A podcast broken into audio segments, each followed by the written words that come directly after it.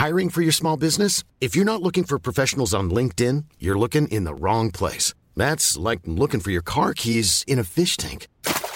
LinkedIn helps you hire professionals you can't find anywhere else, even those who aren't actively searching for a new job but might be open to the perfect role. In a given month, over 70% of LinkedIn users don't even visit other leading job sites. So start looking in the right place. With LinkedIn, you can hire professionals like a professional. Post your free job on linkedin.com slash people today.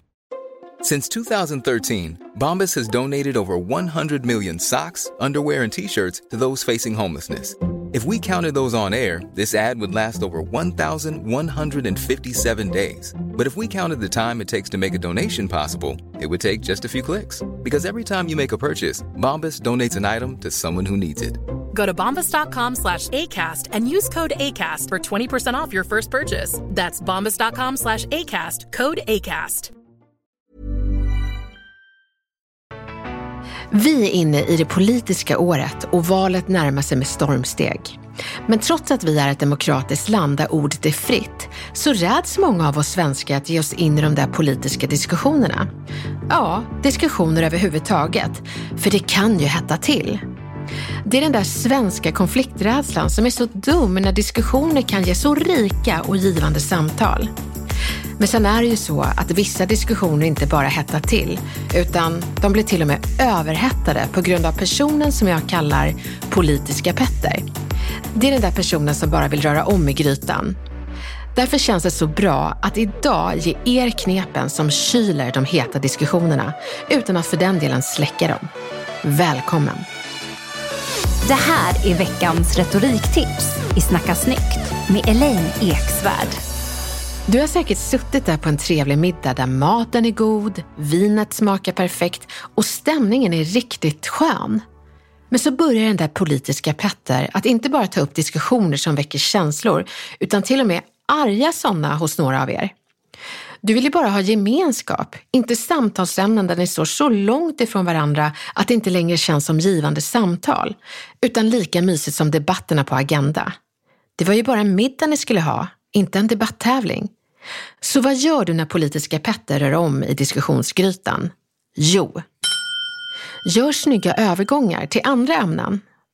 Även om du hör hur politiska Petter vill ta upp kontroversiella frågor som hen vet kommer röra upp känslor, så kan du i samma andetag brygga över till något helt annat och ge Petter en sträng blick så hen fattar vinken i ditt kroppsspråk. Säg. Okej, okay, men ikväll ska vi inte in på agendadebatten utan bara ha det trevligt.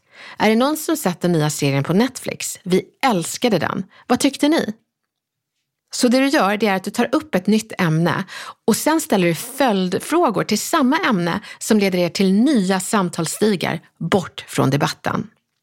Så det handlar inte bara om att avbryta eller säga stopp, utan du ska också snabbt verka som en samtalsguide som lockar till mer trivsamma samtalsbreddgrader.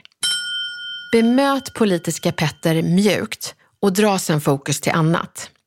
Jag tänker att man inte helt ska avvisa den som älskar att snacka politik, utan möta personen för att sen ta med samma person på andra samtalsturer. Du kan säga Petter, jag vet att du älskar att diskutera kontroversiella saker, men nu tänker jag att vi bara ska ha trevligt. Och hur intressanta saker du än tar upp så är de ofta röra om i grytan samtal. Kan vi inte bara äta grytan och snacka om annat? Hur har du det på jobbet? Du sa ju att det var jobbigt sist vi sågs. Hur har det gått? Jag har tänkt på dig och hela den där situationen. Berätta! På så sätt så drar du inte en mörkläggningsgardin över politiska Petter, utan du låter hen fortfarande få ordet och fokus, men riktar mjukt in personen på andra ämnen, så även hen får ingå i en trevlig stämning utan att känna sig avvisad. Säg bara till henne att sluta. Ibland kan det faktiskt vara så att det är en envis person som är politiska Petter och försvarar sig med formuleringar som Hallå, ordet är fritt. Eller Ska du sätta munkavle på mig eller? Och den där offerkoftan som personen använder för att rikta samtalet till egoistiska eller rent av mindre stämningsfulla destinationer, det är inte så trevligt. Därför tänker jag att du ska ha lite svar på tal i sådana envisa Petter-situationer. Petter, vadå? Man får prata om vad man vill. Du, klart man får, men det betyder inte att allt du vill prata om blir den där trevliga stämningen som alla vill ha ikväll. Petter. Ordet är fritt. Du. Klart det är fritt, men det är inte fritt att sabotera stämningen med provocerande samtal. Sluta nu, berätta något annat istället. Petter. Så du vill inte att jag ska prata? Du. Jo, jag vill jättegärna att du pratar massor och jag vill lyssna på när du pratar om andra saker än de kontroversiella. Vissa envisa personer behöver få gränser och du ska ge dem det, inte bara för att rädda stämningen den där gången, utan det kan ju också vara saker som julstämningen för barnen, födelsedagen för gamla mamma som bara önskar att ni syskon är sams åtminstone en födelsedag. Som politisk Petters ego ska aldrig vinna över andras vilja till gemenskap och god stämning. Jag hoppas verkligen att du känner att du vet hur du ska göra för att vinna det senare och kyla heta diskussioner så att de istället blir givande samtal.